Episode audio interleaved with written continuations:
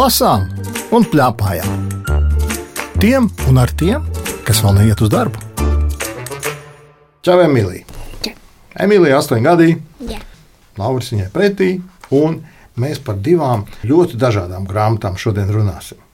Pirmā grāmata, tās nosaukums ir Mana vecmāmiņa mani nepazīst. Tās autori ir Iva Bezinoviča Haidona, un to ir zīmējusi Hanna Tintora. Es nolasīšu drusku no aizmugures vāka. Labi? Mm -hmm. Vecmāmiņa Zrinka vienmēr Emmai atbildēja labi. Viņas devās pārgājienos un nakšņoja teltī, viņas skrēja un brauca ar riteņiem, peldējās dziļajā jūrā, viņas ierīkoja slēpņus un būvēja mājas kukaiņiem, zīmēja komikus, lasīja avīzes, rakstīja pasakas. Nekas nebija neiespējams. Vecmāmiņa visu zināja, visu varēja, līdz vienu dienu viņa vairāk nevarēja.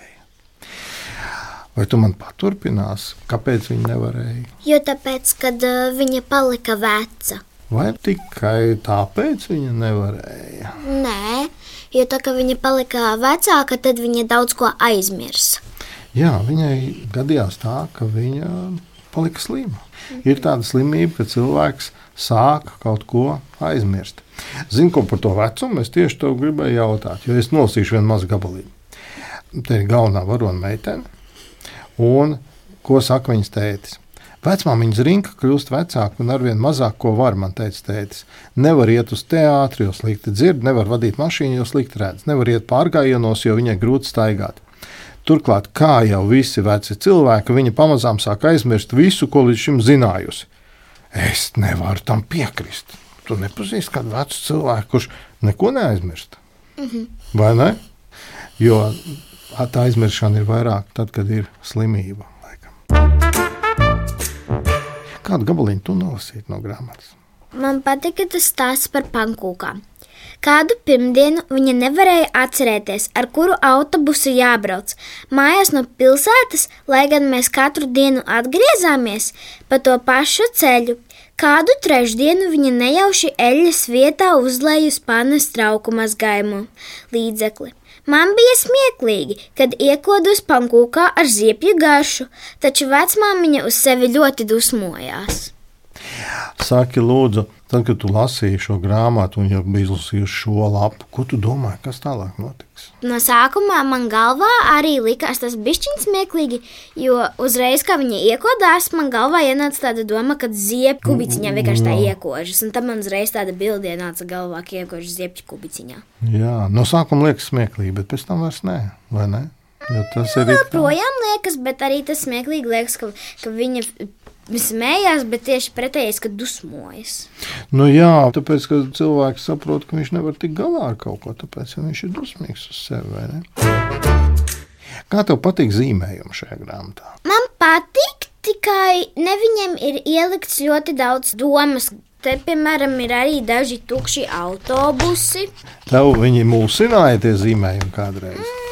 It kā, jo tāpēc, kad uh, tai vecmāmiņai ļoti liela roka, piemēram, vienā vietā, mm -hmm. un tad tāda ļoti liela burka, un tā meitene ir praktiski tik liela kā viņas pašas ķermenis bez tev, rokām. Kā. Nu, tev nepatika tie pārspīlējumi, jā? Ja? Nu, It kā jā. Man jāsaka, ka man ļoti patīk zīmējumi.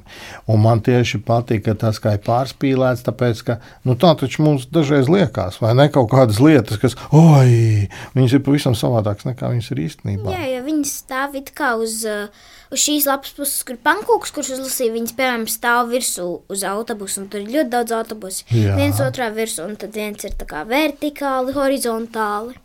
Vai tu pamanīji, kā mainās lapu krāsas, kur ir gaišas un kur ir tumšas. Tad, kad ir bēdīgi notiek ar vecmāmiņu, tad paliek pavisam tumšs pasaule. Jā, bet tur, kur arī ir bišķiņi bēdīgi, tur arī tieši ir bišķiņi gaišāks. Nu, tāpēc, ka mēs jau cenšamies. Kā tev ir? Nav tā, ka tad, kad ir bēdīgi, tad tomēr centies, lai būtu foršāk. Nu, ir bēdīgi, vai ne? Ir tā. Un tāpēc varbūt tās lapas arī ir tādas. Un tad ir ļoti bēdīga diena, bet mēs jau cenšamies. Nē, mums negribas, ka tā diena ir tik bēdīga, un tad viņa ir gaišāka tā diena. Es izlasīšu arī kādu gabaliņu. Vecmāmiņa aizgāja dzīvot uz pansionātu, un man šķiet, ka šeit ir tas zīmējums, kas tev varbūt arī mulsināja, bet viņš ir aprakstīts, kur vecmāmiņa ir Nu, pavisam jā, maziņa. ne, nepatika, kā viņa tā kā sašķināja acis. Iestāsta, ka viņa kaut ko tā kā izdarītu. Ja viņa tā kā tur pirkstiņā tā kā tādu saulīti. Jā, bet vecmāmiņa maziņa, viņa ir liela, bet es izlasīšu tekstu blakus. Kad vecmāmiņa pārcēlās uz pansionātu, es viņu apciemoju katru sestdienu. Viņa priecājās, kad stāstīja par skolu un rotaļu laukumu, bet bieži vien man viņa jautāja vienu un to pašu pat vairākas reizes pēc kārtas. Centos pacietīgi atbildēt, lai gan nevienmēr man tas izdevās. Vecmāmiņa, it kā tu būtu bērns, bet es pieaugušais, es teicu. Vecmāmiņa tikai smējās. Nu, tā jau ir. Vecmāmiņa paliek maziņa. Un tad viņa arī nepazīst savu dēlu, jeb šīs meitenes tēti, un ir pavisam traki un bēdīgi. Kā tev šķiet, tādi bēdīgi stāsti par to, kā tas notiek, ir jāstāsta? Ir, jo tad ir tā kā bēdīgi vispirms, bet tad zinu, ka to cilvēku varēs atcerēties. Bet, piemēram, ja savādāk bērns prasīs, vai drīkstu satikt vecmāmiņu, un tad vienkārši, tad, piemēram, tādā brīdī, piemēram, būtu jāpasaka, ka viņa aizgāja prom debestiņās. Tas nu, nebūtu tik foršā veidā pateikts. Jā, labi. Man ļoti patīk, kā te bija aprakstīts, bet uh, ko tad darīt? Jo nu, mēs jau, kā tu saki, aizējam debestiņās visi. Bet mums ir kas ir pats foršākais, ka mēs nu, varam kādu eh, atcerēties. Mēs varam ne? atcerēties tās lietas, bet eh, jāzina, ka tomēr neaizgāja nekur prom, ka arī tomēr ir sirdī un lejā klāt tie, tie kas mums aizgāja prom. Pagājušajā gadā, piemēram, Omas vecāki aizgāja prom, bet es tāpat atceros, ja es, piemēram, atceros, ka Omas tētis vienmēr teica, vēl nesprādzēties, un viņš tieši atsprādzējās. Vienmēr Aha. mašīnā ar siksnu. Nu, redz, tu atceries, tu viņu tur sirdī, vai ne? Un šeit ir tieši tāpat. Atcerās pēkšņi, Klau, Emma, pēkšņi teica, tētis, zinu, ko es nu pat atcerējos. Atceries, kā mēs ar Maksu gājām apkārt ezeram, kā Maksu pēkšņi no priekiem lēca vecmāmiņai virsū un nogāza viņu zālē. Un te ir tas lielais suns, ko tu Emīlija minēji. Un tas tiešām lielais suns, kas nogāž viņa zālē. Jā, Maks bija mūsu milzīgais suns, rotaļīgs kā kucēns. Un vecmāmiņa nespēja vien beigt smieties, kad viņš tajā laizīja seju. Un visi garam gājēji apstājās un locījās no smiekliem, kamēr vecmāmiņa Maksis vārtījās pa pļāvu. Tas ir tāpat, viņa atcerēsies vecmāmiņas tādus jautros brīžus, tāpat kā tu atcerējies par tām siksnām un sprādzēšanos. -hmm. Man šķiet, ka tieši tāpēc jau jāstāsta tādi stāsti. Jo no nedomāšanas par to, ka tādas lietas dzīvē notiek, nekas jau nemainās. Bet mainās no domāšanas, jo tad mēs neaizmirsīsim un piedomāsim par to cilvēku. Man šķiet, šī grāmata ir tieši tāpēc ļoti, ļoti forša. Man arī likās forša un interesanta. Interesanti, ko tā mamma teiks par to grāmatu, pajautāsim. Nu, man viņa mazliet uh, pārsteidza, jo tad, kad sāka lasīt to grāmatu pašā sākumā, nu, man likās, nu, tipiskais mazmeitiņas, vecmāmiņas stāsts, uzcep pīrādziņas, uzliec priekšā, taņu atnāca uz meža būdiņu un tam līdzīgi.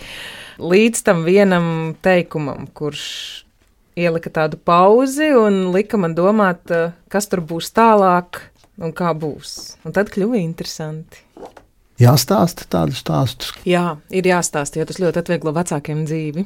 Tāpēc, ka mums, kā vecākiem, jau patiesībā būtu bērniem jāizstāsta par visādām dzīves situācijām, kas var gadīties, kā var gadīties, bet uh, nav viegli par to runāt. Un tad domā, nu, kā to labāk pasniegt, kā par to runāt, lai bērnu nesabiedātu. Bet ir forši, ka ir tāda grāmata, kur izlasot, tu jau vari patestēt, kā bērns reaģē uz tādām tēmām, un tad tu vari papildināt, lai viņi uzdod tev jautājumus, nu, kas, kas vēl gribētu ko par to zināt.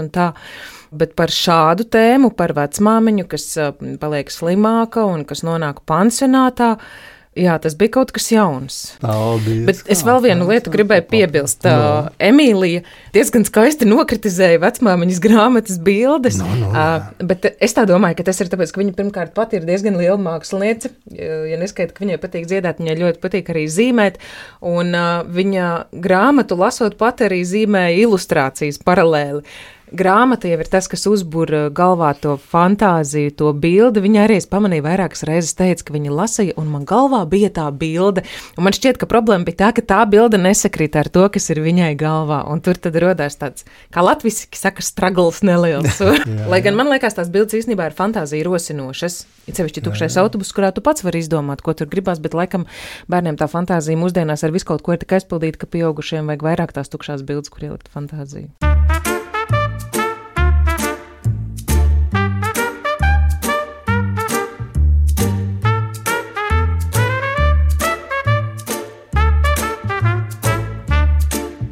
Lasām un plēpājām.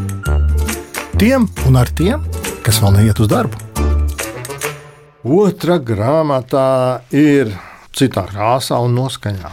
Tā Jā, viņa ir tā kā rudens tēmā, un arī tiešām tur rudens ir uzzīmēts, un tieši grāmatas nosaukums ir Rūķības. ir rūtības, Aivars Neibards. Es pašā sākumā izlasīšu, ko Aivars ir rakstījis par šo grāmatu. Pērnos ar kādu laiku mītējos netālu no Burtnieka ezera. Tu zināji tādu vārdu mītējos, dzīvoju. Nu, jā, tā kā kaut kas Mist. tāds līdzīgs, tikai citādāk. Viņš runā ļoti savdabīgi. Tur arī dzēns sadraudzējos ar rūtīšiem. Jā, jā, jā, ar tiem pašiem sprīža garajiem vīraļiem, kuri dzīvoja pasaku grāmatu lapusēs. Rūtīši neviens stāstīja par savām dažādajām brīnumainajām gaitām un darbiem, bet arī dzēn daudz ko mācīja. Un arī es pats bieži vien piedalījos viņu rūtībās. Rūķu dižceļu gājējs Aivars parakstījies. Kā tev patīk, Aivar, piedzīvojumi ar rūķiem? Labi. Un uh, man arī ļoti patīk, kad uh, šī te ir gan pasakas, gan dzējoļi. Kas tev labāk patīk? Dzīvot vai pasakas? Dzējoļi, bet es viņus ne tā īsti izlasīju, kā dzējoļus. Es viņus tā kā pieņēmu kā pasakas, bet, uh, ja vēlāk varēs, es izlasīšu tādu bišķiņu smieklīgu, kas man likās sākumā lasot. Lasi tagad, droši. Kā rūķis ar puķi cīkstējās. Melns puķis, milzīgs kā mākonis, rūķa draudziņu, saules zaķīti aprija, rūķīts draudziņu glābt gāja. Melnais puķis, zibens asiem zobiem, koda cik jaudāja, un veseliem blāķiem melnu uguni rūķītim virsū spļāva. Un rūķīts palika nu melns un pavisam maziņš kā sodrējs, un nekādi ar puķi galā netika. Vai tev nešķiet, ka šis ir pilnīgi nepareizs dzīvos? Kāpēc viņš tev visvairāk patika? Kā Jā, tev no pašai sākumā šķiet? man likās smieklīgi arī tā, skatoties bildi, jo tur tā kā rūtīts, kā skrien prom, bet viņš tā kā gribēja izglābt draugu. Bet viņš precīzi nobaidījās no tā puķa, bet man liekas, ka no sākuma tā kā vispirms zina, no kā baidās. Jo tā kā viņš pastāv to rūķi, jā, protams, cenšas uzveikt, bet te viņš precīzi nobaidās. Bet vai tu nenobaidās vispirms parasti? Nu, redz, ar rūķiem ir šī tā. Bet kāpēc es tev jautāju, kāpēc ir tik ļoti neparasts dzīvos? Tu vari iedomāties, kāpēc es tā domāju. Pēc, ka tas ir kaut kas, kas it kā bišķiņ slikts. Nu, jā, parasti jau kā, nu, ja cīnās ar puķiem, tad taču visi ir supermeni, vai ne? Un Jā. uzvar. Un kas ir te? Nemaz nav tik vienkārši uzvarēt. Un rūtītis paliek, kā tu lasīji, melns un maziņš. Un tas man šķita tāds ļoti neparasts dzīvos. Es tādu nebiju lasījis dzīvoli, kurā rūtīši neuzvar puķus. Es arī. Dīvains ir autors, kas ir rakstījis šīs pasakas un dzīvojas. Man liekas, tas ļoti foršs, normāls, tikai man ir jauns tāds vārds neibards. Aha. Tas ir nedzirdēts. Tu saki, normāls. Labi, es tev nolasīšu vienu gabaliņu no pasakas, kas vairs nav dzīvoļos, kā rūķis dūķis ziemē gatavojās. Meža kokos lapas ziedēja kā varavīksnes, brūnas sārtas, dzeltenas, ļauži, iekavās rūķu milži, ģirti, ģēdērti, ģēdimini, slēpa pagrabos un stirpās burkānu zēnus un kartupeļu večukus, bet ļaudenes, Elīnas, Elitas un Elzas vāca burkās meleņu meitenes un gurķu puikas. Notika lielā ziemošanās. Tu biji kādreiz iedomājies, ka arī lielos milžus varētu vārdos saukt? Kā es multinēs dažreiz redzu, vienkārši tā sauc. Milzis, vai ne? Nu, jā. jā, piemēram, tā kā sniega lielpēds. Viņu vienkārši sauc par lielpēdi, Mhm. piemēram. Mm -hmm. Bet arī tā lielam briesmaņam var būt vārds, piemēram, briesmīgais. Girti un ģedārti nevar būt. Mm, Bet tur redz, ka ir. tikai man liekas, tas bišķiņ smieklīgi. Un tad es tev izlasīšu vēl vienu rīkopu. Arī dzēna mežā sēnes salīda atpakaļ zemzemē, lāči būvēja midzeņus, bet vilki mācījās gaudot. Zaķi, kuri neprata nec midzeņot, nec gaudot, palika pamazām balti kā sniegs. Man tas šķita ļoti interesanti aprakstīts. Īpaši tas, kā sēnes lien apakaļ zemē. Jā. Tu vari iedomāties, tu esi redzējis kādreiz, ka sēnes lien apakaļ zemē. Nē, bet parasti redzu, ka ziemā sēnes parasti ir, bet viņas izstāsta tādas bišķiņu novītušas. À, tās, kas nav paspējušas ielīst zemē, man liekas. Jo es neredzu sēnes, kad ielīdušas zemē. Saki, lūdzu, tu vari iedomāties arī rūķi savās mājās. Es parasti gadā kaut kur trīs, četras reizes iedomājos par rūķi skatāmies. Bet vasarā it īpaši rūķi ir vairāk ziemas un rudens, ne jau tādi vasaras. Vasara jau ir piemēram. Bet arī zaķi ir vairāk pavasarī. Skaidrs, tad tu jau vispār rūķis speciālists, tad tev šī grāmata ir tieši vietā, vai ne? Es izlasīšu tādu varoņu teiku. Tā par rūķiem, kā Aivars Neibards ir redzējis rūķus, mēs laikam reti, kad redzam. Kā rūķis Rīgu izglāba. Paķēra skudra Rīgu, uztīvēja plecos kā zemnieks miltu maisu un uz skudru pūzni projām joza. Rūķītis skudrai kā suns zaķim pakaļ skrēja. Panāca panāksnieks skudru, saķēra kā zaglīti atņēma skudrai Rīgu un to atkal Rīgas vietā pie Daugaus nolika. Nu, tas ir, man liekas, varens. Man tieši arī tas bija višķiņš smieklīgi. Es tieši to gribēju lasīt kā savu smieklīgo, bet tad man arī tas puķis likās smieklīgs, un man bija divi. Un Nevar tieši tad es aizmirsu tajā pašā brīdī par to. Bet par Rīgu ir ļoti. Bet man ļoti patīk arī tas blakusējais stāsts, kā rūķis nenomazgājās. Nosīs? Viendien rūtīts nomūrējās ar zemi, mels kā dišs kurmis, bet trases pilienā nenomazgājās. To redzēja rūķu māte, un tajā zemē, kas snauda rūtītim aiz ausīm uz kakla, uz rokām, uz kājām, uz deguna, kartupeļus iestādīja, pēcāk rudenī veselu vezumu kartupeļu novāca. Un tas notiek tikai rūķiem, tā kā tu domā. Mm, jā, jo cilvēkiem tā nevar izdarīt. Jā, Kā ne. piemēram, varētu aiz auss ielikt bišķiņu zemi un tad kartupeļu. Dažreiz es esmu dzirdējis, ka kāds saka, ja tu nenomazgās kāklu, tev tur kartupeļs sāks augt. Nē, es dzirdēju neko tādu. Nē, man nekad nav pat teikts nomazgāt. Nu, tā tad tu esi ļoti tīrīga, bet dažiem drusku netīrīgākajiem cilvēkiem es esmu dzirdējis tādas runas. Mēs vēl varētu ātri izskriet cauri, ko rūķim skolā māca. Pazīt visus saules starus, kā ABC burtus. Varētu? Jā, Var. Rakstīt gaisā un ūdenī ar pirkstu kā zīmolu. jā, Nu, Protams, putnu valodu. Varētu. jā. Puķu valodu.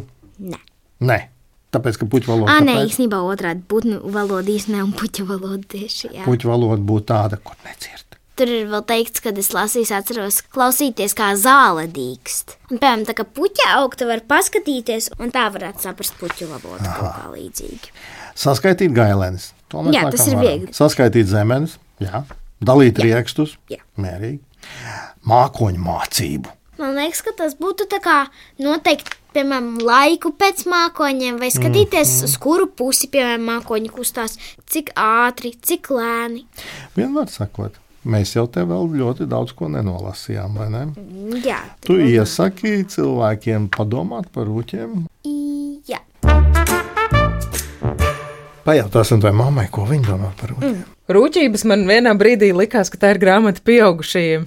Jo visi tie vārdi, kas tur bija tagadiņi, bija arī tādi vārdi, kurus arī es nezināju. Man bija jāpadomā, kas tas īsti ir. Tur arī viņai prasīja, kas bija mī- mītējās vai ko pie burtnieka ezera. un Es arī domāju, nu, labi, es saprotu, ka mitinājās, bet lasu, lasu, un man liekas arī, ka tiks mēlis mežģis, bet uh, nē, viņai izdevās diezgan labi izlasīt. Man pat varbūt bija grūtāk nekā viņai.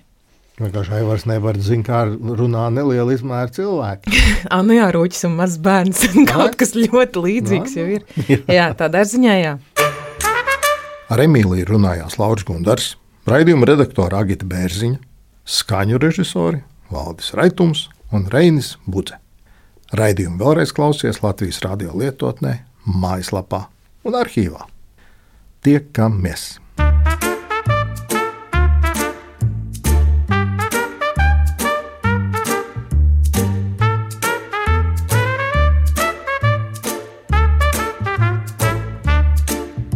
Lasām un plēpājām. Tiem un ar tiem, kas vēl neiet uz darbu.